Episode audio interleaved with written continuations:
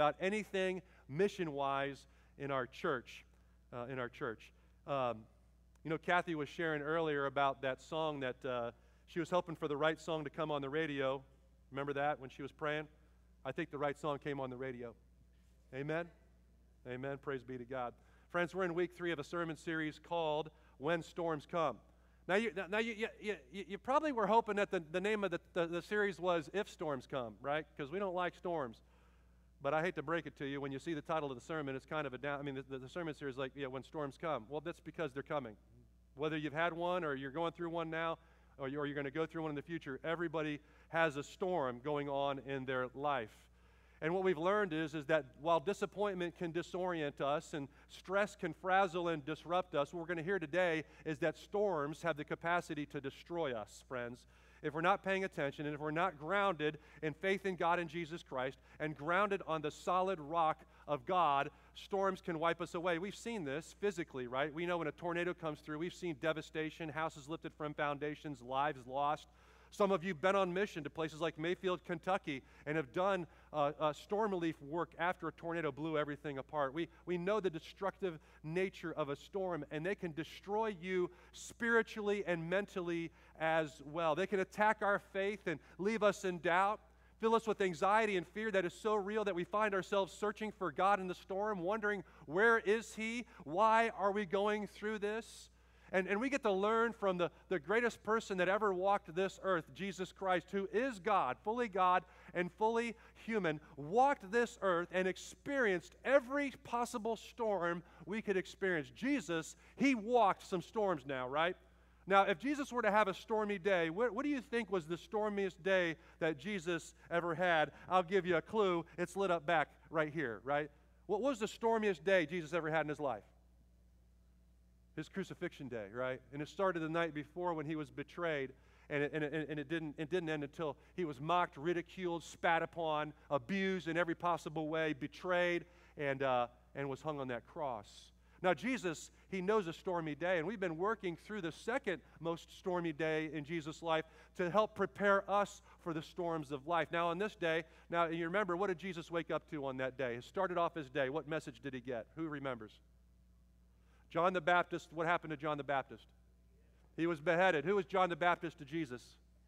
His cousin. Not only his cousin and a family member, but this was the man that baptized him, remember? He was close to him. This was one of his chief missionaries and, and, and, and, and just loved him dearly like a brother and a family member, and he received news upon him waking up that day that he had been executed. And then from that moment, he goes away and tries to get alone and pray, except for 15,000 people uh, uh, follow him, and, and, and the demands of the crowd become real. They need to be fed, they, they need to be ministered to. They need healing in their life. And Jesus doesn't even have a moment to breathe and mourn the loss of his loved one before the, the demands of the crowd comes. And then while they're feeding all of these people, he's at odds with the disciples on how to care for the people. The disciples think they ought to be sent away, dismiss the crowd, and let them come back.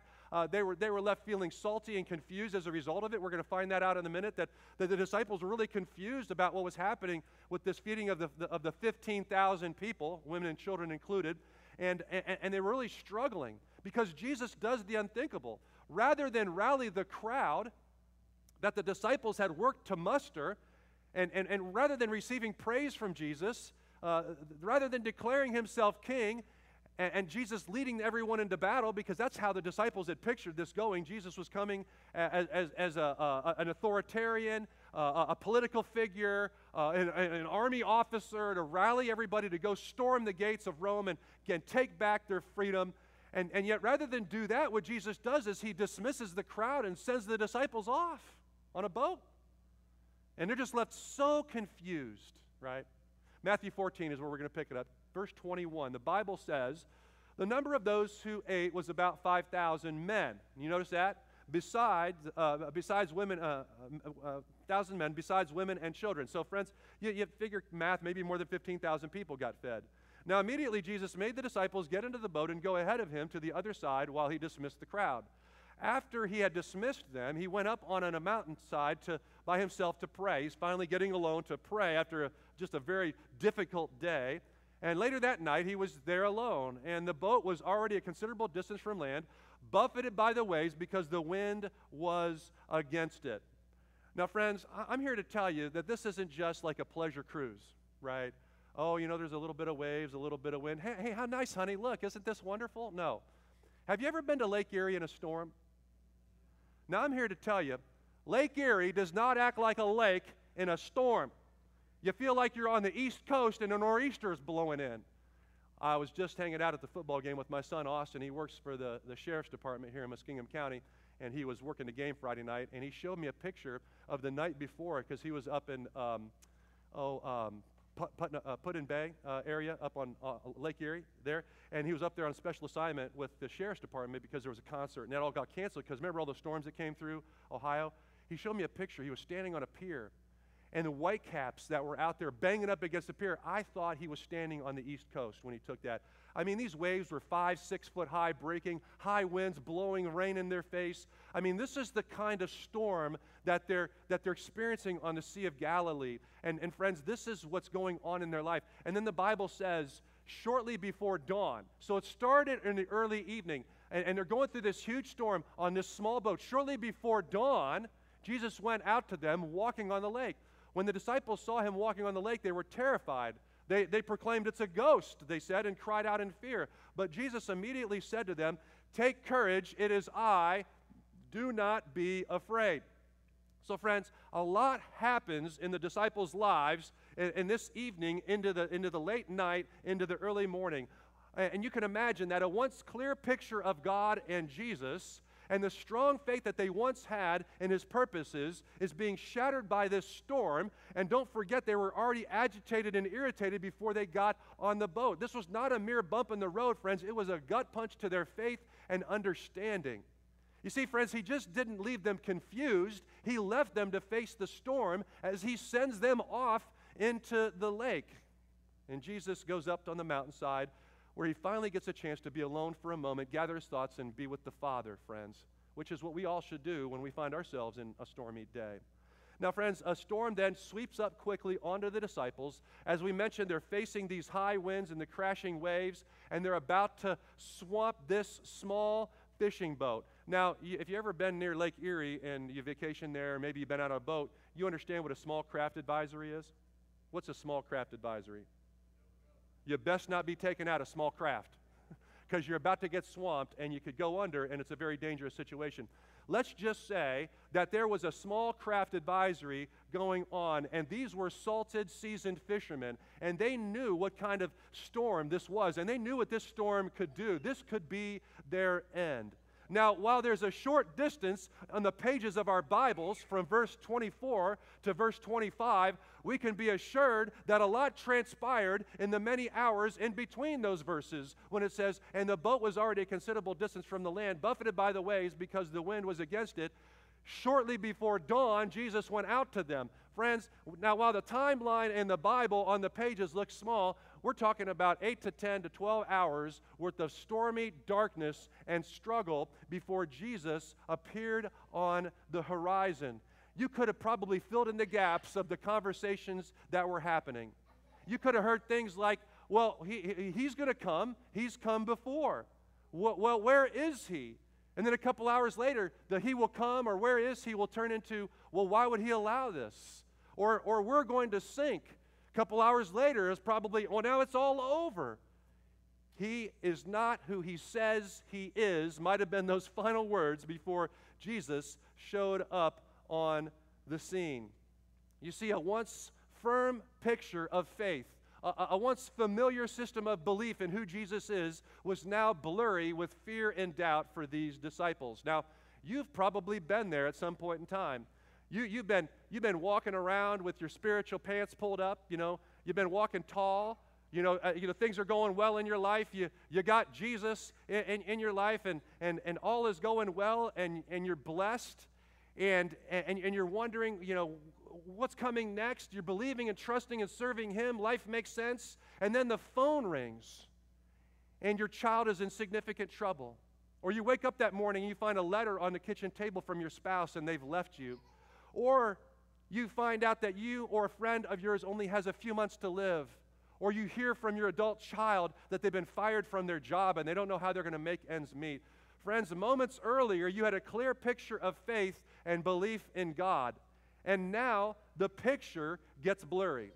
Now that picture has gotten blurry. How could this happen, you ask?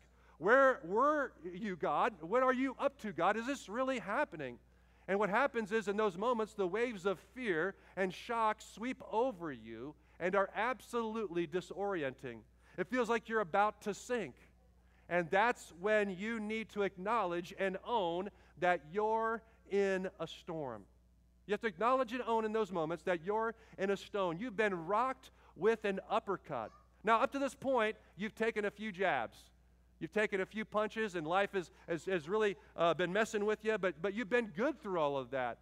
And you thought the fight in life was going pretty well. But now, because of this uppercut, you've been shaken, and you find yourself woozy, and nothing seems like what it was. You've been rocked and you've been shaken to your core after surviving all of these jabs.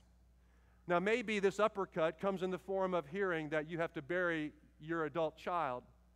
Or maybe this best friend of yours betrayed your trust and you find yourself broken. Or, or maybe your loved one finally was able to get pregnant and they wind up losing the baby. And you had this clear picture of God, but now it's just kind of blurry as a result. God wouldn't allow such a thing to happen like this. And so before the pain came, the view of life seemed clear. It seemed clear. God seemed near. Now, after the pain, he's a little bit harder to see. And your perspective has, and your perception has changed a little bit. He seems distant. Your, your pain has distorted the view that you once had. Now, you still believe, but you, you feel like doubt is starting to creep in. You see, the greatest storm that night for the disciples wasn't the wind and the waves that we've described. It's wondering where Jesus is in the midst of this storm. After all, he was the one that sent them out into the lake to begin with. Well, let's look at Mark's account in chapter 6. The Bible says, late that night, the boat was in the middle of the lake, and he was alone on land. He saw the disciples straining at the oars. This is interesting. I want you to hold on to verse 48. He saw the disciples straining at the oars. He saw them in this storm because the wind was against them. Shortly before dawn, he went out to them walking on the lake. He was about to pass by them, but when they saw him walking on the lake, they thought he was a ghost. And they cried out because they all saw him and were terrified at what they were seeing. Immediately, in that moment, he spoke to them and said, Take courage, it is I. Don't be afraid. Then he climbed into the boat with them, and the wind died down. They were completely amazed. They were completely amazed. And here's this little nugget that maybe you've never caught before. For they had not understood about the loaves and the fish, their hearts were hardened. You see, friends, that whole, that whole dining experience when they fed the 15,000, the disciples had already received a, a couple of, uh, uh, uh, of, of jabs. They were struggling, they were battling with what happened there. They really had a different picture on how that was all going to end. They thought they were feeding this army of people to go storm the castle, and yet, and yet Jesus just releases the crowd. And you find them in this moment where they're totally confused, scared to death on this boat. And, and, and so they're doubting, and doubting is, and doubt is creeping in. And, and, then, and then what happens is this, this boom, this, this storm comes and punches them right in the chin. Now, Jesus can see the disciples freaking out from a distance, the Bible says. Remember 48? He says, He saw the disciples straining at the oars. What you should know about this is, is that no matter how deep the disciples got themselves in this storm, they were never out of the sight of God. And no matter how distant God felt, they, they, they God always had eyes on them right? Some of you, mom and dad, you guys understand this, right? You go into the store, and, and the older the kids get, the further you let them go from your side. But until they reach a certain age, you're not letting them out of your sight. Now, they may, they may be over here, they may be over there, and, and you're going to let them get into a little bit of trouble or do this, this, and that, but they're never out of your sight. And it's the same thing with Jesus. Friends, no matter where we go, no matter what we go through, we are never out of the sight of our God. The disciples weren't, and you are not either, friends. Praise be to God. So he saw them freaking out and struggling at the oars, the Bible says. Yet the storm of doubt for them was still very large. It was bigger than the waves and the wind. Where is God? Why is He allowing this? A few hours in the evening turns into the darkness of a very long night for them. You ever had a long night? The Alice families have had long nights before in our lives. See, just a while ago, uh, Isabel was in the hospital for more than three weeks, and, Erin was with her throughout all this time, and, and she'd been through multiple surgeries to first replace a part of her shunt, only to find out that later that shunt had an infection and the whole thing needed to be completely removed.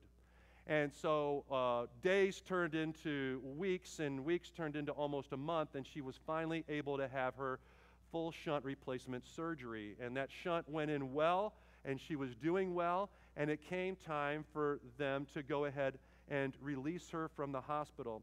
Now, I'll never forget that evening because after her surgery, Elizabeth and I left to go be on a family vacation with the Alice household, my brother's family, my sister's family, my mom and dad. Uh, we planned this trip uh, uh, months and months ago. My mom's health is declining and deteriorating. And we really realized that this is going to be uh, just a, a, a, a, great opportunity while everybody is healthy to get together one more time. And so this was just something that we just didn't want to miss. And so Erin gave the blessing. We were off. Isabel's surgery was a success. A couple days later, while we're still in Virginia on vacation, they go ahead and release her. I'm watching them on Life 360. You guys ever tune on to Life 360? That's a wonderful, wonderful thing. And uh, um, and, and they're, they're coming home that evening. It was, it was a Tuesday night, and um, they were coming home. No, it was Monday night. It was a Monday night, and they were on their way home. I'm watching on Life 360. I got my little nephew next to me. We're watching some Cleveland Cavaliers Summer League basketball. I'll never forget it because then the phone rings, and Erin is just in tears on the phone, and, and she's describing to me that all of a sudden they're at the ER in, in Genesis Hospital here in Zanesville because two hours into a two and a half hour drive home from the hospital, Isabel is having a medical crisis in, in, the, in the car, and she's, com- she's turned completely responsive, uh, unresponsive in this moment. And, and so here they are in the ER, two and a half hours away from her doctors in Cincinnati who would know exactly what to do in that moment. And so while she's there at, in the ER at Genesis, she has a full blown seizure, and the ER staff there, God bless them, are completely unprepared for how to deal with her case and all Erin could do was watch, and all I could do was wait by the phone. And I'm here to tell you that minutes turned into hours. Do you know what I'm talking about? And hours turned into a long, long night in that moment. All of a sudden, Life Flight was finally called in, and Isabel is off to Cincinnati being life flighted down there. Only they didn't have the large life flight unit, so they had the smaller chopper, which was out of fuel and needed to be gassed up first, and, and then, then was gassed up and finally picked her up. And it still took two hours for this flight because it was the smaller unit. And, and then in the midst of that, Erin goes back to the house for 15 minutes. She gets a taste of home. She hasn't been home in a month, only to get back on the road again to go back down to Cincinnati to meet Isabel there. We have friends waiting with Isabel at the hospital until she's life flighted so Erin can go pack. We have a friend waiting for her in Cincinnati because God is so good uh, uh, to, to uh, when she arrives there so Erin can get down there with her mom. Friends, it was a long, long night. And the Alice family, up until that point, we've been taking some pretty steady jabs, you know, Okay, boom, the surgery didn't work out. Okay, boom, she's got an infection in her brain. Okay, boom, you're going to be down here for three or four weeks. We've been taking some pretty good jabs. We've been, we've been doing okay and trusting the Lord through all of that, and all was, all was well. And then the haymaker came, the uppercut came. And I'm here to tell you, it was disorienting. It was very scary. Would she make it? How could she be two and a half hours away from the very doctors that would know exactly what she needed and almost be home? What if they had stayed another three hours? I'm in Virginia. What in the world am I supposed to do? Things just felt hazy. What was once clear was now confusing. Friends, it was a long, stormy night for the disciples. It was a long, stormy night for the Alice household, and I'm sure you've been there before. You might not have been in the boat with the disciples. You might not have been in the ER with Erin that night in, in Genesis, but you've been there before. Amen? I, I'm talking to some of the right folk here today. We've had those long nights. Now, I want you to notice that the disciples see Jesus, but they do not recognize him. Did you notice that? The disciples see Jesus walking along the waves, but they don't recognize him. As a matter of fact, the Bible describes it that they saw a ghost and they were actually afraid rather than blessed by what they saw. You see, friends, when you're disoriented from the uppercut, it can be hard to see God. Even though he's right there in front of you, the disciples find themselves in fear and doubt and confusion, and they couldn't recognize him even though he was right there in front of them. And that's what Jesus reminds them. And he says, I am right here. I am who I am. It's me. Take courage. I've had you in my sights the entire time. I knew the storm was coming. That storm didn't surprise me. I'm right here. I've got this. You see, friends, I've learned a lot in the 18 years of my wonderful daughter's life and all the medical crises and challenges that she's been through. Uh, and Isabel's just such an amazing young lady. And here's just a couple of just a couple of helps from what I've learned from God and our experiences with this. God is always right there. You just have to look for him. God is always right there. You just have to look for him. You got to be able to see through the hazy picture of doubt that you have when the uppercut comes. He's right there. You just, sometimes when you, you, you, you're going through the storm, the outline of the God that you're used to that reveals his presence to you is a little bit distorted. And you, and you got to be creative in the way that you view God. You got to open up your heart and your mind to his full revelation in your life. And so you just have to look for him, even though he might feel like he's not there. And then you have to give yourself some grace. This is another thing I've learned. It's okay to struggle, friends. It's okay to doubt. Doubt is going to creep in. Remember when Jesus goes to heal this man's son because he's demon possessed, and and uh, and um, and the guy says, "If you can do anything, please heal my son." And Jesus is like, "What do you mean if I can do anything?" And the guy the guy looks at him and he says, "He says, I believe, Jesus. Help me overcome my unbelief." Boy, that's relatable, right? What that means is we all we all can have faith in Jesus Christ, but that doesn't mean we're not going to go through moments of doubt. Jesus, I believe. And that's that was my prayer. God, I believe. I know who you are. I stand on your solid rock. This is a storm. Help me overcome my unbelief because I'm worried about my daughter. It was a very real prayer. And this is what the disciples are praying. And you can pray those prayers too without having shame in your life. Give yourself grace because God's ready to give you grace. Doubt is going to creep in, but recovery can come rapidly when you do this next thing. Let your faith in Christ take your thoughts captive.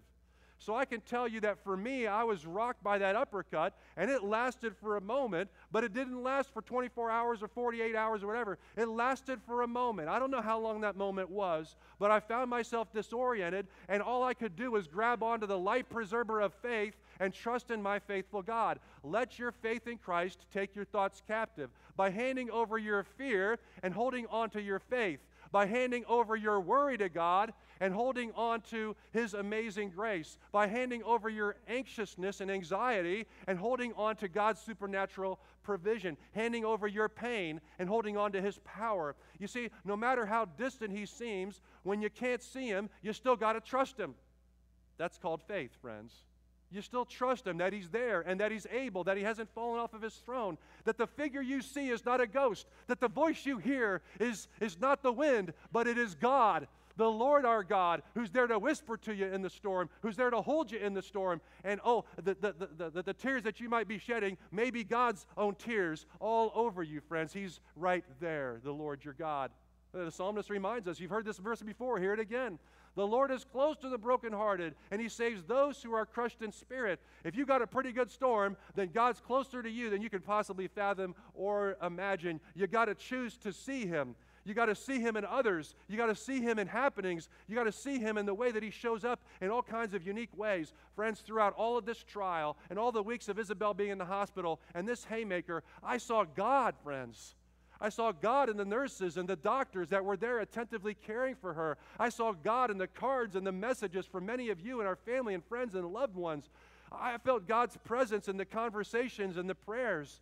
I remember after I got off the phone with, with Erin, after she told me the news, I, I just had to reach out to somebody, and I dialed up my, my life coach, Doug Lynn, and, and he'd already seen the Facebook post, and he was praying, and I said, Doug, I said, I just said, I don't know what to do. What should I do? And he says, I'm in Virginia. She's over there. And he said, Who's with her? I said, Well, Erin's there, and her mom is with her. And uh, I, said, I, I, she's going to exactly where she needs to be. He said, she's going to Cincinnati Children's. He said, you hold on to right where you are. And I'll never forget, he said this to me, and I needed to hear this. He says, you're right where you need to be with the rest of your family. You're there with Elizabeth and Austin and Peyton, and Braxton's coming, and your mom, who we don't know what she had going on in her life and how long she was going to you know, be able to walk this earth with us, and we are going to be able to enjoy her presence. He said, God wants you to trust him that he's got Isabel in his hands, and you do what you need to do, and, and he's going he's to equip Erin to do what she needs to do in that moment. I saw God in that conversation, friends, in the midst of the storm. I saw God in the chaplain at uh, Cincinnati Children's Hospital that God just had supernaturally, literally show up every time Erin and Isabel came to the hospital with a crisis. That night when they showed up at the ER, suddenly he was there in the waiting room the, the night that they went the first time that they were there when she was having her, her uh, infection, he, he was there to, to be there and help them with their baggage and luggage up to the room. I saw God in this angelic form of this hospital chaplain that he provided for every single time my daughter and my wife needed him. I, I saw God knowing that Erin's mom was there to meet her on their way home with Isabel, only to be there for this new crisis. I saw God in the ENT that finally showed up in this chaotic Genesis hospital room to take charge when things were spiraling out of control. I saw God in Brett and Lindsay Johnson, who were down in Cincinnati with their son Asher, who hadn't been out of the hospital ever since he was born for three and a half or four months, and yet to be there for needed to get there, and for Kendra, who was there in the hospital here while Erin was able to go home and get her stuff. I saw God everywhere in all of these things, friends. I just knew that I wasn't alone. I knew that they weren't going to be alone. And as I cried out in prayer and trusted that in time his miracle was going to come, I just held on to my faith. And so, friends, sometimes you get to the point where you say, Oh, well, all I got left is, is, is my faith in God. Well, friends, I'm here to tell you that's enough. I'm here to tell you that's enough. You remember Paul, the Apostle Paul? The Bible tells us that he had all kinds of infirmities. He, he went through seasons of difficulty. Now, we don't know. A lot of people speculate that he had blindness. Other people speculate that he might have had, a, he might have had chronic headaches, migraine headaches. Could have been all those. But he went through significant seasons of brokenness. And you want to know what Jesus' answer was to him? Who, who remembers this? That when God spoke a word to him, he says, My what is sufficient? My grace is sufficient. So if you got everything else taken away from you, your family, your health, everything, and you still have Jesus Christ, God is saying, You have enough. You have enough, friends. You have enough in those moments. And I felt God holding me in that moment. I, I, though I couldn't hear his voice, I couldn't see the results that I was praying for and desiring in that moment. God was reminding me, filling me with his promises, filling me with his words. I was reciting Psalm 23 and trusting him through the whole thing. And I remembered in that moment that when she was six years old, Isabel had the same thing. She, she, went, uh, she, she went unresponsive and her shunt was malfunctioning, and we had to rush her off to the hospital. She had to take a life flight to uh, Toledo St. V's and have an emergency shunt put in. In the middle of the night, they had to turn the lights on in the ER waiting room. I remember this, and God provided for her then. She didn't lose any of her cognitive ability. She was the same person she was a day later, and I just knew in this moment, God said to me, He says, I did it then, I'm going to do it again because I remembered his prior acts of faithfulness. Friends, how easy it is for us to forget when we're in the middle of the storm that God's already been there. You know, the disciples, these same disciples were rescued from the same Sea of Galilee previously from a storm by the same guy. Remember that? Jesus had already calmed one storm on the Sea of Galilee. What's to say he's not going to do it again here on the Sea of Galilee, friends? That is our trust in prayer. We've got to remember that God was faithful then, He's going to be faithful now. He's going to do it again on this night, friends. You see, God wasn't absent in Isabel's crisis, He wasn't absent in, in, in, in our storm. He was ever present. You just had to see Him. But He was going to go, He was going to let us go through it. And He's going to let these disciples go through the storm. And like the disciples, uh, we are never out of sight or out of the grip of our incredible God. And, and, and God is always going to be there. He's always watching over us with his righteous right hand. And when you're going through the storm, when the haymaker comes, and when, when, when, you, when you have this moment when once things were clear and you had a view filled with faith, and now things get blurry and it's hard to understand and to see God's presence, we hold on to our faith and trust that He's there no matter whether we can see Him or not because that's His promise. And our God has never broken a promise yet, and He will never break a promise into our future. You see, our mind is going to play tricks on us, and the enemy, he's going to lie to us. Oh, that's not your God. He's abandoned you. I mean, see what your God did for you?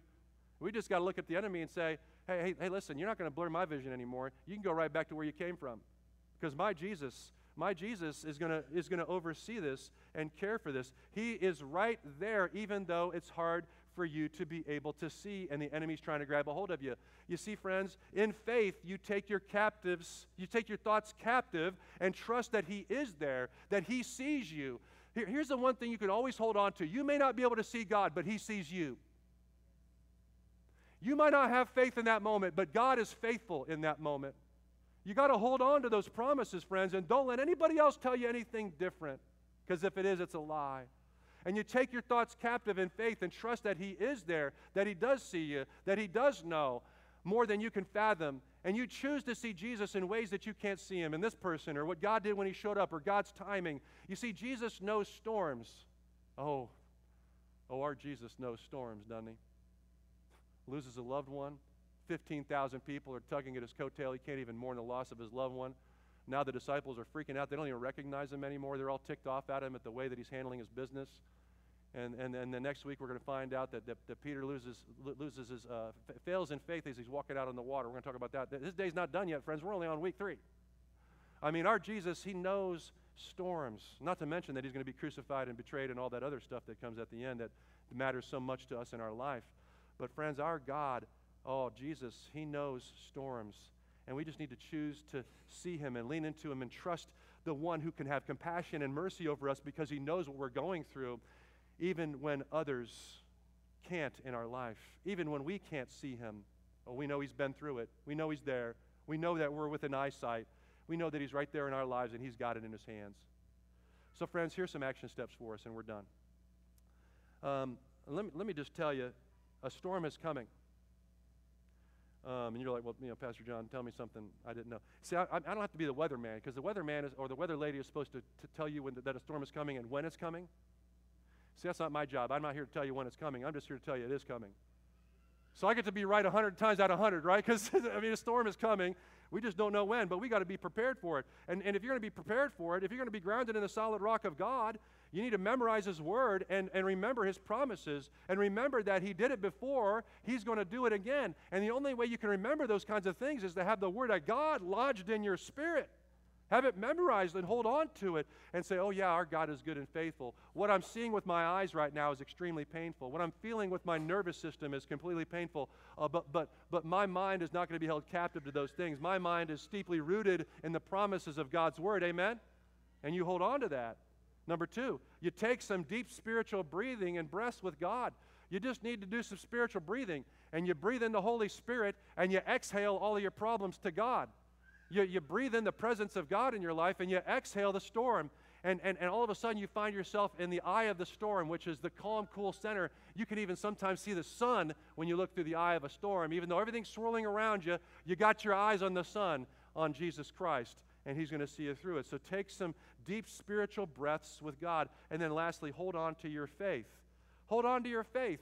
And you might say again, it may be all that you have left. It's all that I've got left, Pastor John. Uh, listen, I just came by here to tell you, uh, then that's enough. Then that's enough. Because the grace of Jesus Christ is sufficient for you. If it was sufficient for Paul, it's sufficient for you. If it's sufficient for the disciples, it's sufficient for you. If it's sufficient for the Alice household, it is sufficient for you.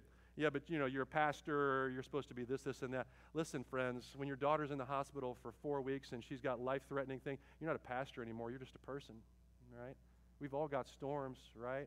But I'm just here to tell you that God's word is filled with promises, that our God is faithful and he will see you through it. And, some of you are saying, well, Pastor John, I've got, I've got chronic storms. They just won't go away in this life. Then I'm going to pray with you. I'm going to cry with you. I'm going to laugh with you when you're ready to laugh.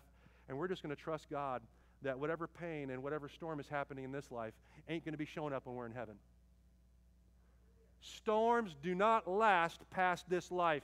There is a dead end. Because when you get to heaven, there are no more storms. There are no more tears. There's no more pain. Someone's going to shout hallelujah to that, right? I mean, praise be to God. So, friends, if you're experiencing chronic storms here, I can, I can share the promise of the Lord with you that He goes to prepare a place for you and, and, and, and nothing in that room. There's no winds blowing, there's no waves crashing, there's no tears flowing. It's, it's, just, it's just straight Jesus for all of eternity. And I look forward to that day. How about you? Let's pray. Lord God, we thank you for this day. We thank you for this church that you've given us. We thank you for this body of Christ. Lord God, we thank you for Marcy that comes to challenge us to think about international mission and ministry. Lord God, we thank you for our mission team that's getting us set up to bless somebody locally here with Habitat for Humanity. Lord God, just help keep our eyes open and not, and not get too buried in our own troubles that we can't see the troubles of someone else. Lord God, continue to use us in this church. But God, we're here to say that some of our hearts are heavy today. Some of us are broken and we're struggling. Some of us feel like we're in a boat that's about to get swamped. One thing's piling on after the other. Or we just had one thing that happened that was a haymaker that just knocked us unconscious, Lord God, and, and our, our, our sight's blurry. Lord God, we, we just need your help in this moment. We, we need your restoration, Lord God. We need, we need your wisdom. We, we, we, need to, we need you to be our calm, cool center in the eye of this storm that's swirling all around us, Lord God. We just want to keep our eyes fixed on you. Help us, Lord, to get into your word. Lord God, help us to help us to open our hearts to the work of your Holy Spirit. Help us to get deeply connected in other people. Lord God, help us to, to, to recalibrate or reorient our priorities. So, Lord God, that we can be more steeped in our relationships of people that will pray for us, walk beside us, through these life changing choices and difficulties and trials. Lord God, help us here to realize that we're the family of God, that this is our home and we're not alone, Lord God.